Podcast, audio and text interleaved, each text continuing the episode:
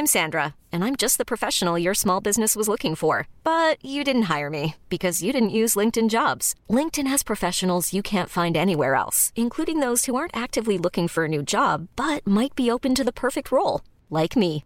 In a given month, over 70% of LinkedIn users don't visit other leading job sites. So if you're not looking on LinkedIn, you'll miss out on great candidates like Sandra. Start hiring professionals like a professional. Post your free job on linkedin.com/achieve today.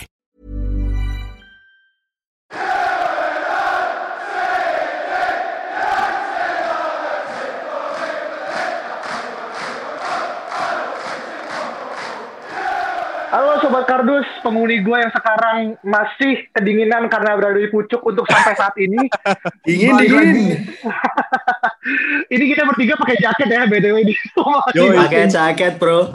Eh, by the way, by the way nih sebelum lanjut, kemarin tuh kan gue posting eh, gue selimutan ya, pakai selimut MU di IG gue. Itu banyak banget coy yang yang DM gue coy. Banyak yang bilang bacot, bacot, bacot. Sampah emang. gue juga ngepost kan pas gue lagi di Korea satu tapi nggak 2017 ya gitu kan pakai pakai coat gitu pas lagi salju juga tangan gue juga lagi tergigil gitu gitu kan orang-orang masalahnya nggak pada paham gitu konteksnya apa pada bilang sekarang di Korea kan di Korea gitu kan anjing pakai kayak ah. ya udah tapi ini ya dan semua orang paham sebenarnya konteksnya apa sih Bener-bener. Lang- langsung aja lah update 21 is coming, you know. Dan masalahnya ini yang cewek-cewek itu nggak tahu. Jadi pada bilang Iya. GWS Fin, GWS Fin gitu. Padahal gue udah bilang buat yang tahu-tahu aja gitu. oh, lo lo mau pamer ya? Oh, tanya gitu ya. Oh iya iya iya iya. Oke lah. Oke oke oke. Nah balik lagi bersama kita bertiga eh, di eh, eh, podcast GGMU dan pada kesempatan episode kedua ini mungkin udah pernah tahu juga kita bakal bahas terkait dengan pertandingan eh, yang lalu yang mungkin buat gue pribadi tuh biasanya kecewa dengan hasil yang didapat meskipun harus bersyukur karena paling enggak itu yang membuat kita masih bertahan di puncak eh, di pucuk eh, klasemen Liga sekarang. Nah, gue pengen mulai dari dengan sebuah perdebatan yang mana gue inget banget saat episode, episode satu kemarin Alvin bilang kalau MU lebih baik menggunakan 5-3-2 sedangkan Sao menggunakan 4-2-3-1 gitu kan. Mhm. Yang mana setelah kita tonton kemarin Oleh menggunakan 4-2-3-1 dan mungkin Oleh Oleh juga dengerin podcast kita gitu kan. Jadi Gue japri kayak gitu. Meskipun akhirnya jadi anomali untuk kali pertama Pogba taruh di kanan ya, yang biasanya ditaruh di kiri, sekarang taruh di kanan di di apa di uh, 4-3-1. Nah, gue pengen nanya dulu ke ke Saung, apakah dengan Oli mendengarkan lu lu happy dan kedua dan ketika lu happy, apa yang kemudian menjadi catatan buat lu pribadi di pertandingan kemarin menggunakan strategi lu? Iya, eh, untuk untuk formasi I think oleh spot on sih kemarin. Hal pertama yang bikin gue kaget adalah eh, missnya PI sih dan diganti sama Lindelof dan terima kasih banyak Lindelof proof so many our fans wrong gitu loh. Kan waktu waktu line up keluar kayak "Eh, anjir kenapa Lindelof nih yang main nih? Padahal Bailey lagi perform-perform ya kan. Tapi ternyata Iya. Solid banget. Eh, hampir semua back four kita main solid gitu, kecuali AWP yang yang masih angin-anginan attack-nya gitu kan. Dan untuk posisi Pogba kemarin main di sayap kanan itu cukup apa ya? Mungkin mungkin cukup hal yang unik gitu loh. Unik karena pertama kita nggak punya winger right winger yang benar-benar bisa main di sana dan kedua itu bikin eh, Robertson punya apa ya punya beban tersendiri gitu loh karena karena Pogba bukan winger yang murni gitu loh di mana dia nggak nggak nggak main ke eh, eh, pinggir lapangan dan langsung langsung crossing crossing gitu jadi I think I think kemarin formasi oleh udah udah cukup tepat sih Oke. Meskipun gue gua gini sih, lu bilang kan AWB kemarin mainnya agak kurang dibandingkan tiga lainnya. Meskipun Hmm. kemarin kan dia hampir, hampir buat asis kan dengan dia ngoper ke Pogba gitu kan. Maksudnya dia ngasih umpan ke Pogba lewat apa uh, umpan dia apa sprint dulu gitu kan kayak uh, apa Iya, namanya, iya. masuk dan hampir cuman ya Pogba aja lagi betlak dan tepat banget terpas tendangannya kencang ya uh, Hmm. ke tengah gitu. Tapi ya gue setuju Lindelof adalah salah satu anomali tapi kemarin dia buktiin kalau dengan adanya Bailey mulai bagus lagi Lindelof kayak kayak apa ya kayak bener-bener kayak show sama Teles lah gue ngeliat sekarang kayak gitu sih cuman sekarang Betul. tinggal Maguire aja nih yang gimana dia bisa jadi apa ya jadi ya karena dia nggak punya tekniknya dia nggak punya lawan kan kuotaan kuot ya karena dia pasti dipilih jadi kapten skipper pasti main segala macam gitu kan lu gimana. Vin dengan nggak menggunakan 352 ada nggak yang lo buat kecewa dan apa yang menurut lu ah oleh nggak dengerin gua nih atau gimana Vin Enggak sih, gua gua nggak melihat seperti itu. Jadi kayak kemarin ketika gua Mas Saung itu beda pendapat ya it's okay gitu kan. Kita punya Iya.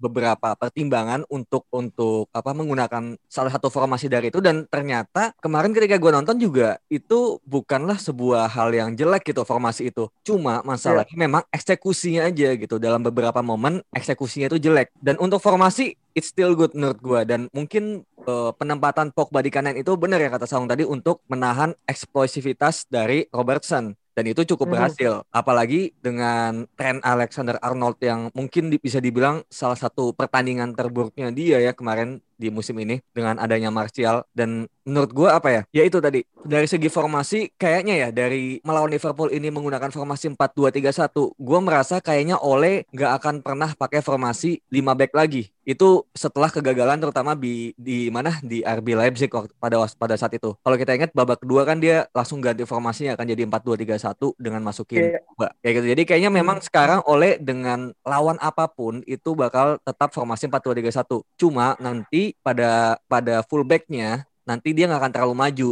Cuma masalah nanti Hmm. tang- tinggal Pogbanya aja nih yang bakal bakal mungkin bisa dibilang kurang nyaman ya. Karena dia kan harusnya di tengah ya. Harusnya di di di apa? di DM atau mungkin harusnya di 3 3 CM salah satu dari 3 Hmm. CM. Cuma pada akhirnya Pogba adalah harus menjadi salah satu orang mengalah kalau nggak di kiri kayak pas lawan City atau di kanan kayak Liverpool kayak gitu. Iya. Kayak gitu Iya, sih. Tapi iya, iya. it's still good menurut gua. Nah, sebenarnya pas lo ngomong kita lagi ngomong, ini gue juga lagi live di ini kan di laptop. MU baru aja nggak upload video terkait dengan man of the match. Dan ya as we know, Luke Shaw yang terpilih sebagai MOTM gitu kan. Ini kebetulan banget dan pas banget muncul banget. Setuju nggak kalau Luke Shaw kemarin salah satu pemain terbaik? Karena menurut gue, tusukan Luke Shaw yang kemarin ngebuat kartu kuning si Shaqiri kalau nggak salah itu Iya, iya. itu bahaya banget sih. Ah, Bruno aja sayangnya ada bolanya agak kurang ditaruh di kanan dikit ya kalau dia naruh bola itu ada di kanan kalau enggak Iya. menurut gua bisa masuk. Lu gimana terkait Luke Shaw MOTM? Siapa gue ya? Gue Gua setuju sih. Ya, gue setuju sih. Hmm. Kayak menurut gue back for MU termasuk kiper David De Gea itu menjadi apa ya pemain-pemain yang cukup baik. Termasuk Liverpool juga. Pemain-pemain Liverpool yang bagus juga adalah back-backnya dan juga kipernya Alisson. Jadi kemarin tuh man of the match menurut gue ya definitely defensive playersnya dari kedua tim itu aja. Dan memang dari pemain tengah dan depan dari kedua tim itu yang eh, eksekusinya sangat kurang. Terutama MU kalau kita lihat dua kali Marcus Rashford itu salah ambil keputusan. Dan juga Pogba gue lihat dua kali ngedelay bola pas counter attack pada akhirnya dilanggar. Itu sih eksekusi kayak gitu maksudnya. Oke, gue seru banget nih ngomongin gue gue ngomongin Rashford seru banget. Tapi gue soal lu nih, Ung gimana Ung? MOTM menurut lu Ung? Eh, kemarin ya pertandingan kemarin itu gue pikir eh, sangat-sangat imbang. Di babak pertama Liverpool udah menyerang nyerang banget ya sampai sampai kita nggak nggak nggak dikasih kesempatan untuk untuk nyerang gitu loh. Sampai-sampai kayak gue nonton bareng sama pacar gue kan kemarin. Oh Iya, yo itu terus itu kayak pas gue kayak ini yang jago kok Liverpool ya? Katanya MU nih yang dia masa Terus ternyata ternyata babak babak kedua ok- udah udah mulai oke gitu loh dan dan on- kemarin itu gue lihat eh, banyak banyak di timeline yang yang nyerang Bruno kan Mhm. kayak gimana sih Bruno nih nggak nggak muncul di tiap pertandingan besar gitu loh. Menurut gue ya masalahnya tuh bukan di Bruno sebenarnya. Masalahnya adalah pemain lain yang nggak tampil ketika Bruno nggak tampil iya iya Ah iya iya, setuju gue. gitu. Dan dan banyak juga yang bilang kayak "Eh, Liverpool udah udah nggak ada CB-nya nih, udah nggak ada Van Dijk, udah nggak ada Matic. Gue juga nggak setuju karena Fabinho jago banget bro. iya iya iya benar benar benar Itu itu bener-bener kata Alvin sih. Eh, C- CB masing-masing itu lagi lagi perform banget gitu loh. Dan Alisson sekali lagi membuktikan kalau dia masih world class gitu. Iya, dan dan dan gue pribadi tadi ngomong masalah Rashford ya. Gue pribadi orang-orang blame ke Rashford, gue nge-blame ke Martial sebenarnya kayak gue liat babak kedua dia udah kayak Hansip bro, kayak jalan gitu loh muter-muter gitu dan Oh, kayak jogging. Iya. iya ke sana ke- dan makanya dia diganti kan akhirnya gue gue seneng banget pasti diganti kemarin. Nah ngomongin uh, Martial dan juga Rashford, uh, chance-nya banyak kemarin tapi yang paling gue kesel ketika si Rashford tidak memilih mengoper kepada ke ke Cavani gitu kan. Nah menurut lu, kalau menurut kalian nih, kayak kalau misal kemarin ngoper, gol akan terjadi apa enggak? Apa gimana? Maksudnya terkait dengan open chance yang menurut gue itu, itu salah satu yang terbaik ya terlepas Bruno sama Pogba yang udah apa di, di kotak penalti kayak gitu. Uh, yang Rashford ya yang harusnya oper Cavani itu agak susah sih karena Fabinho menurut gue cukup pintar buat nutup ruangnya Cavani. Jadi pas Cavani lari, Fabinho tuh udah agak udah agak ngikutin Cavani dikit. Jadi buat gue kalau misalnya dia oper pun bakal keblok kayaknya kecuali mungkin yang oper sekelas Bruno atau Kevin De Bruyne. Dan tapi kalau kita lihat lagi beberapa second setelahnya itu ada Pogba masuk dari kanan. Itu bisa jadi opsi dibanding dia harus dribble keluar gitu ke arah corner yang menurut gue itu ngapain kayak gitu. Dan kalau kita lihat Cavani itu marah ketika Rashford udah memilih untuk dribble ke arah luar begitu loh. Jadi sebenarnya dia nggak marah dengan dengan dengan keputusan dia nggak dioper karena dia juga tahu dia diikutin sama Fabinho. Tapi kenapa lu nggak kasih ke yang lain atau lu nggak mungkin coba delay kayak gitu loh. Itu sih menurut gue. Ah, sih, iya sih. Kultur shock lah David. di, di MU. Dia, dia tuh kayak ini loh, kayak gue gue liat ke dia tuh kemarin kerasukan setan Mbappe tapi setengah masih setengah gitu, Vin. Rohnya belum belum belum masuk penuh, jadi udah keburu kelepasan dan itu bener-bener kayak itu kayak apa was change banget gitu. Kayak peluang dia bener-bener kebuang. At least kalau dia shoot gue masih appreciate lah dia Betul. gimana kayak segala macam itu beda hal lah. Cuman itu kayak bener-bener kayak udah end up with nothing aja gitu. Kayak bener-bener kayak nothing happen menurut gue itu sayang banget sih kayak gitu sih. Sama ini yang yang sorry yang di babak pertama kalau kalian inget yang MU coba build up abis itu kalau nggak salah Bruno atau McTominay itu long bola ke depan terus Rashford tuh udah bagus tuh first touchnya. Terus udah one on one kalau nggak salah sama Robertson. Tapi lagi-lagi sama dia tuh di dribble keluar gitu dia lupa lawannya ini Robertson yang lumayan kencang padahal bolanya hilang juga gitu loh Hmm. Dia beberapa serupa Saki juga kan. Empat kali, satu kali match, satu match empat kali offside. Gokil. Bener-bener itu gila Iya dan sebelum sebelum uh, tag podcast ini gue sempetin nonton nonton apa namanya uh, full match ngeras peluang enggak peluang Rashford Anjir. umpan Cavani tuh. ceweknya, sama ceweknya lagi bareng gitu ya Iya, gak sendiri bro. Gue gue nonton cuplikan di Twitter kan. Gue Oke. gue gue mencari hal yang bisa untuk ngedefend Rashford gitu loh. Tapi enggak. Gue gue Gak ada Dan semakin, semakin nonton semakin benci. Kenapa gue Anjir. Ya, itu tinggal X, tinggal X. Tinggal segitiga. Anjir. Iya. Itu itu benar-benar ini banget sih. Apa sih. Nah, mungkin eh, sebelum kita pindah ke match besok yang gak kalah penting ya karena eh, nanti malam eh, Leicester bakal ketemu Chelsea dan kalau Leicester menang eh, malam ini kita harus kegusur. Tapi kalaupun nanti Leicester menang kita menang lagi besok lawan Fulham kita bakal kembali lagi. Cuman kita bakal bahas Fulham nanti. Terakhir gue kemarin sempat ngeliat di kamera kalau Bruno sempat uh, mengacukan jari tengah gue gak tahu tuh ke siapa. Uh, gue tapi gue gue gak tahu apakah tuh ke ke Oleh gara di, di, di apa namanya di uh, ganti segala macam ada beberapa gue baca di Twitter tuh ada dua dua opini yang terbelah. Pertama uh, itu dis disrespecting karena dia pemain dan tidak ada pemain lebih besar daripada klub. Tapi di sisi lain itu menunjukkan kalau Bruno itu tipikal pemain yang dia mau ngotot sampai akhir gitu kan. Nah kalau lu berdua ngelihat Bruno yang akhirnya dia sedikit quote marah ketika diganti gitu, apa yang lu bisa tangkap dari gesture Bruno? Mungkin dari Alvin. Saung dulu kali Oh, Saung. Oke, oke. gue gue sempat sempat ini sih sempat sempat shock juga kemarin waktu Bruno waktu mau diganti kayak kayak marah-marah gitu kan cuman gue ngerti karena saat dia mau diganti McTominay lagi cedera kalau nggak salah Iya iya iya. Iya. lagi Iya, iya, iya, iya. lagi down gitu loh lagi lagi lagi jatuh dan dia mikir kalau eh, harusnya bukan gua dulu yang diganti tapi si McTominay gitu Iya, iya. gitu sih dan apa ya mungkin dia mentalitinya sangat tinggi dan dia ingin ingin sekali lagi dia ingin membuktikan kalau dia tuh bisa masih bisa untuk membuktikan dirinya gitu loh makanya dia cukup bete karena waktu dia ditarik keluar gitu sih Atau dia masih cukup pede menit 90 plus 10 tuh dapat penalti kali ya. bisa Anjay. bisa dia baca Makanya- bro Makanya meme gitu kan, please ref, one one penalty. gitu. Just need one more penalty. Iya. Ayo. dia, dia dia waktu ditanyain ini kalau imbang peringkat MU satu Iya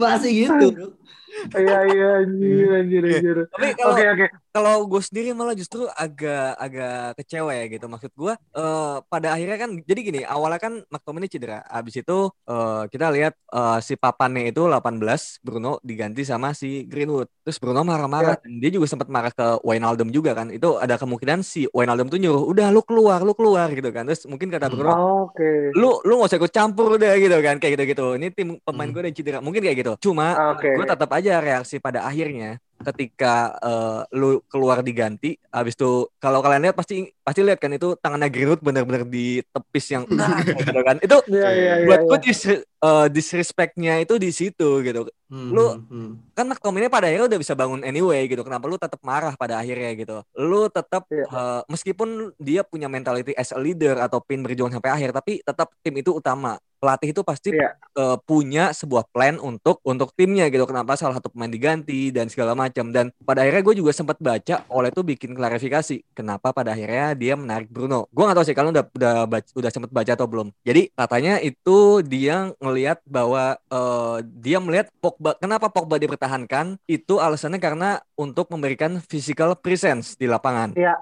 kayak gitu. Benar benar. dan yang kedua, masalah Greenwood, kenapa Greenwood yang dimasukkan? Karena dia melihat kayaknya bakal ada sedikit celah di pertahanan Liverpool yang bisa dimanfaatkan secepat kilat oleh Greenwood yang sangat cepat juga gitu loh. Jadi Hmm. di sini emang Ole udah punya blueprintnya kenapa gue masukin ini, kenapa ini gue tarik, kenapa dia nggak gue ganti kayak gitu. Jadi menurut gue pemain tuh harus ikutin instruksi Ole. Jangan sampai malah Bruno yang eh, ngelit si Ole gitu. Itu itu udah salah sih menurut gue sih. Hmm, Jadi gue gue agak agak sedikit iya. sebenarnya. jadi ingat waktu Kepa sama Sari ya. Iya benar Iya, benar. iya, iya. Gue sempat Itu khawatir. kacau ini banget ya. itu.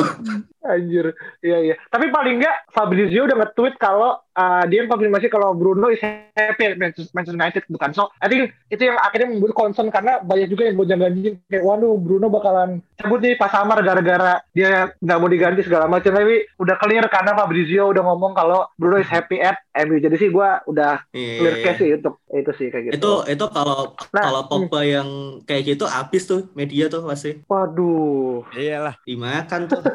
Langsung besoknya iya iya. gua cabut. Gitu. Nah, eh, apa namanya? Ini kan besok bakal ketemu bukan besok ya Senin apa namanya eh, Kamis dini hari bakal ketemu eh, Fulham gitu kan. Gue pribadi excited bukan karena kita nonton MU lagi tapi eh, tadi malam gue kan nonton MU 23 kan kalah 4-2 oh 2-3 lawan Leicester gitu kan. Ya, ya. Yang mana gue berharap eh, Ahmad Diallo main gitu kan karena kemarin nggak main dan udah training sama first team. Gue berharap dia main lah di U23 gitu kan Hmm. eh ternyata semalam nggak main gitu kan gue agak dilema nih gue kecewa gara-gara gue nggak bisa lihat dia lo main yang kedua gue senang karena gue punya chance untuk lihat dia lo main di lawan Fulham gitu kan. Karena Hmm. gue gue masih merasa MU bakal main 4-2-3-1 no reason. Maksudnya nggak ada alasan oleh nggak bakal main 4-2-3-1 besok gitu kan. Ya, ya. nah itu menurut gue pribadi. Nah kalau kalian sendiri bakal ngelihat match Fulham sendiri apa sih yang unik dan apa yang kemudian bakal ngebuat match besok tuh bakal jadi kayak event itu bakal penentu dan apa yang kalian lihat sebagai hal yang uh, bakalan menentukan untuk besok. Mungkin dari Alvin dulu nih. Eh, gue merasa di sini ya meskipun Fulham ini bukan lawan yang eh ya meskipun dia di peringkat 19 ya bukanlah sebuah lawan Iya, iya. yang bisa diremehkan juga gitu kemarin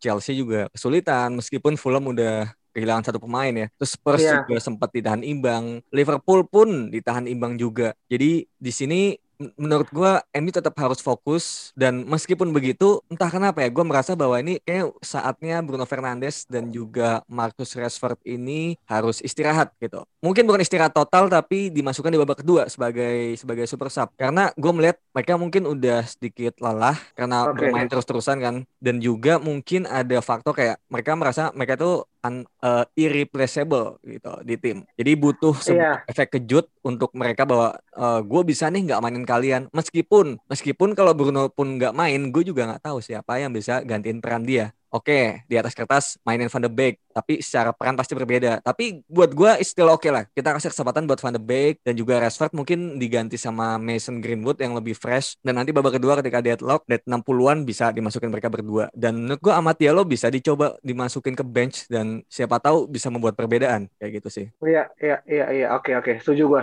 Lu gimana, Ung? Um, gue kurang setuju sama si Alvin. Eh, Oke. Alvin Alvin bilang eh, mungkin ini saatnya Rashford sama Bruno untuk untuk di drop gitu ya untuk untuk mungkin nanti dimasukin ke babak kedua atau baru dimasukin ketika ada deadlock gitu.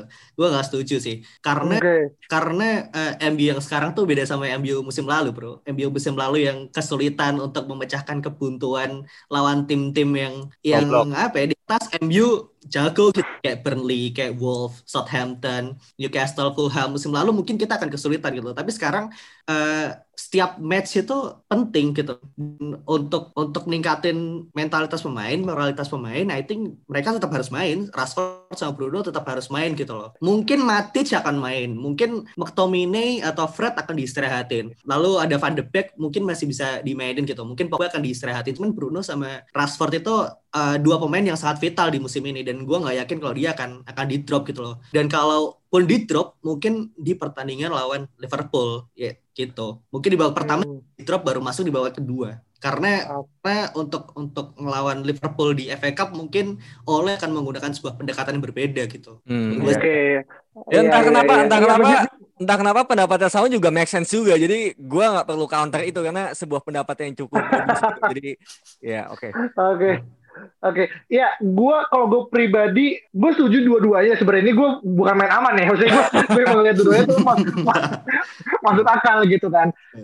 Dan meskipun gue ngerasa kayak gue sebenarnya kalau bisa disuruh milih nih, lu lebih baik kalah lawan uh, Fulham atau kalah lawan Liverpool, misalkan pilihannya cuma kalah atau menang, gue lebih ngerasa entah kenapa ya, karena gue tipikalnya gue pengen lihat oleh itu dapat piala gitu kan, dan gue lebih milih yang se- ini un- unpopular opinion baik lagi, gue lebih baik milih besok pemainnya mungkin nggak segimana, tapi gue mau fight back lawan Liverpool di Old Trafford akhir minggu ini gitu, karena ya it's cup gitu kan, it's Hmm. one apa one one round only gitu kan, dan gue gak mau kalah aja gitu, dan I think mengisarakan Bruno sama Rashford untuk besok adalah is a must kalau gue pribadi gitu kan, tapi dia bisa masuk, uh, gue nggak tahu iya apa enggak, tapi paling enggak dengan mereka itu ditarik, gue pengen lihat sebenarnya seberapa seberapa hype sih kayak lu mengagung-agungkan uh, Van de Beek, uh, Mason segala macam. Jadi menurut gue besok lebih kepada kayak memberikan tantangan untuk tim apa pemain lain untuk kemudian kayak show up nih. Gue nggak gue nggak aktifin dua pemain gue, eh dua anak sulung gue, Rashford sama Bruno. Lu bisa nggak sih kayak kasih gue poin gitu kan? Dan Hmm. kalau mereka mentalnya bagus, I think ya mereka akan fight fight back sih. Despite hasilnya berapa,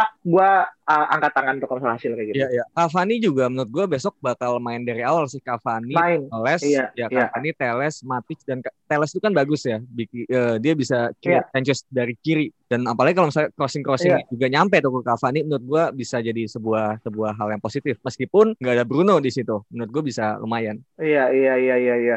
Gue Iya, gue iya, setuju iya. gue setuju kayak gitu. Hmm. Oke oke oke. Ah, dan eh, apa dan apa dan apa? Ung? eh, gue setuju sih apa yang dia bilang gitu Em, Lu gua ada- nggak setuju. Enggak, enggak, gini, gini. Mungkin, mungkin ada, ada, enggak, karena, karena, karena sekali lagi bro, balik lagi ke, ke perbincangan kita yang awal-awal ya, MU tuh butuh trofi, oleh Gunnar Solskjaer tuh sekarang butuh trofi gitu loh. Masalahnya adalah, di awal musim, eh, nggak ada yang membayangkan kalau MU tuh bakal jadi title challenger gitu loh. Iya iya iya. Gue ya, gue yakin banget waktu awal tuh ekspektasi mereka adalah untuk tetap stay di top 3 gitu. Iya iya. Iya. Gua Dan aja gua aja prediksi di peringkat 5 MU awal musim. Jahat loh. Jahat, jahat. itu itu Jangan sebelum. MU beli pemain ya sebelum MU beli pemain itu gue kira bakal peringkat lima Iya. gitu oke Eh karena karena eh, pemain-pemain yang yang dibeli sama Solskjaer itu adalah pemain-pemain yang dipakai untuk rotasi terus gitu loh. Pakai untuk Iya. rotasi terus gitu loh. Sementara ketika eh, beberapa minggu terakhir melihat melihat form MU yang bagus, yang nggak pernah kalah away match selama satu tahun, peringkat satu sekarang, gua rasa pasti Solskjaer pengen all out gitu di liga gitu loh. Untuk mempertahankan posisi setinggi-tingginya. Karena kapan lagi bro kita di puncak, kita eh, tutup sama City dan Liverpool gitu sih. Hmm, iya iya iya.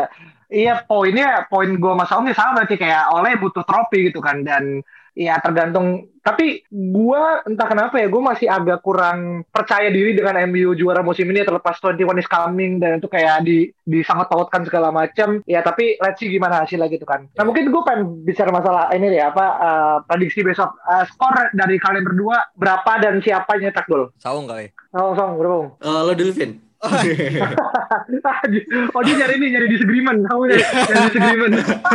Oke, gue masih yakin, sama gue masih yakin MU bakal menang. Cuma lagi-lagi karena prediksi gue adalah tanpa Bruno dan Rashford, uh, bakal cukup ugly win dalam arti segi permainan ya babak pertama bakal sulit membuka membongkar pertahanan Fulham. Namun babak kedua ketika Bruno dan Rashford masuk itu bisa mirip lah kayak pas versus West Ham pada saat itu. Intinya kesulitan dan ketika mereka berdua masuk akhirnya bisa lebih kontrol pertandingan. Balik lagi yang penting eksekusinya bisa lebih bagus kayak gitu sih. Jadi gue masih pede. Tapi untuk siapa yang cetak gol itu gue nggak tahu sih. Itu siapa pun bisa. Yang penting dari segi permainan menurut gue bakal agak kesulitan. Tapi babak kedua bisa berubah dan bisa menang.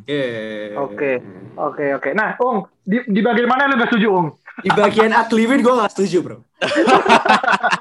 Asli, karena karena gue gue dari awal bilang Bruno dan Rashford mungkin akan starting ya. Minimal Ah. lah babak pertama. Kenapa? Minimal 2-0 babak pertama. Buset banyak juga. ya.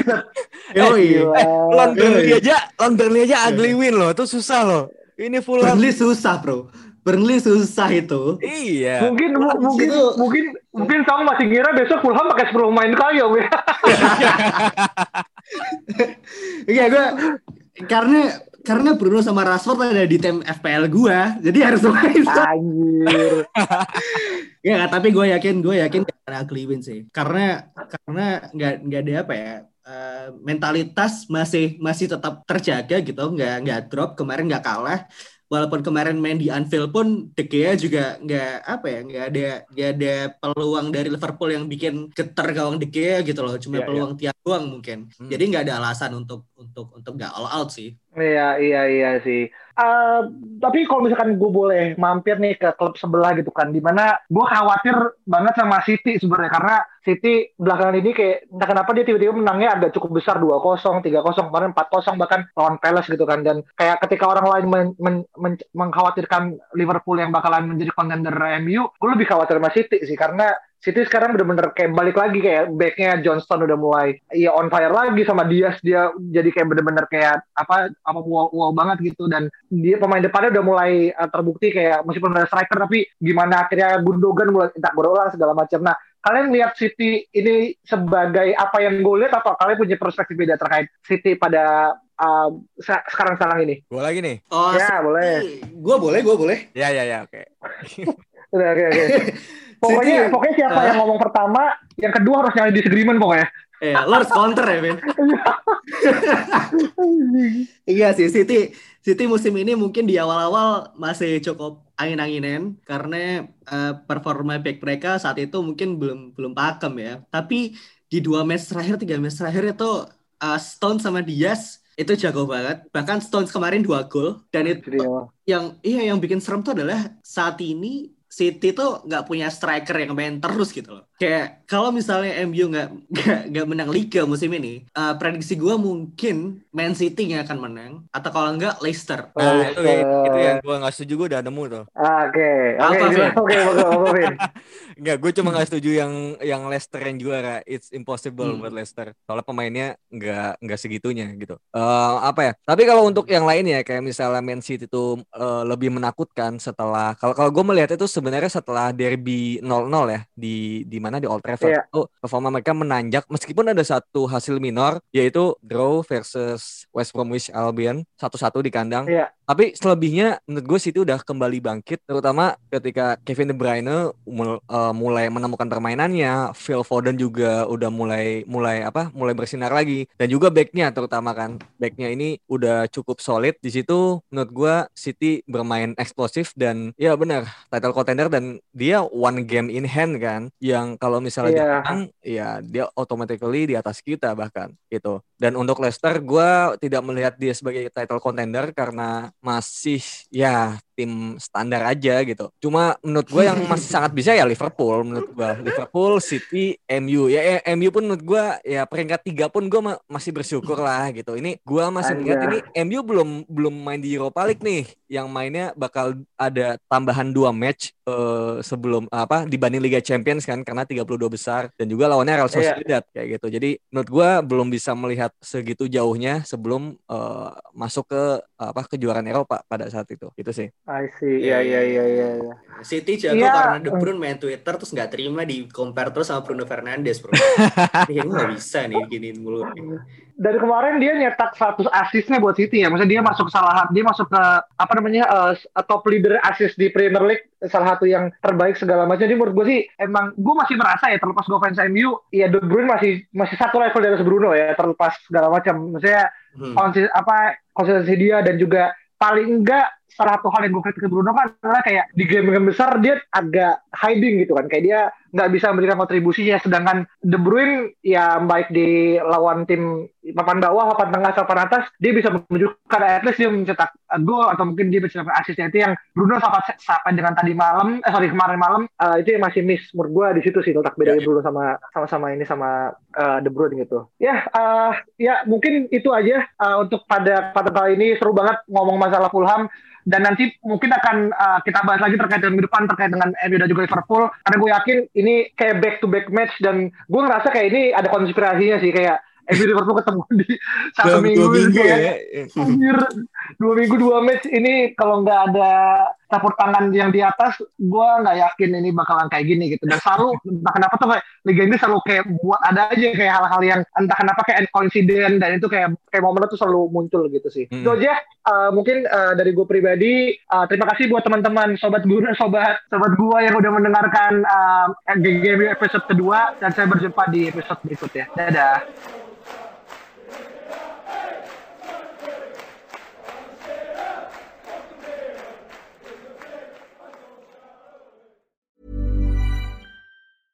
Even when we're on a budget, we still deserve nice things. Quince is a place to scoop up stunning high-end goods for 50 to 80% less than similar brands. They have buttery soft cashmere sweaters starting at $50, luxurious Italian leather bags, and so much more. Plus, Quince only works with factories that use safe, ethical, and responsible manufacturing. Get the high-end goods you'll love without the high price tag with Quince.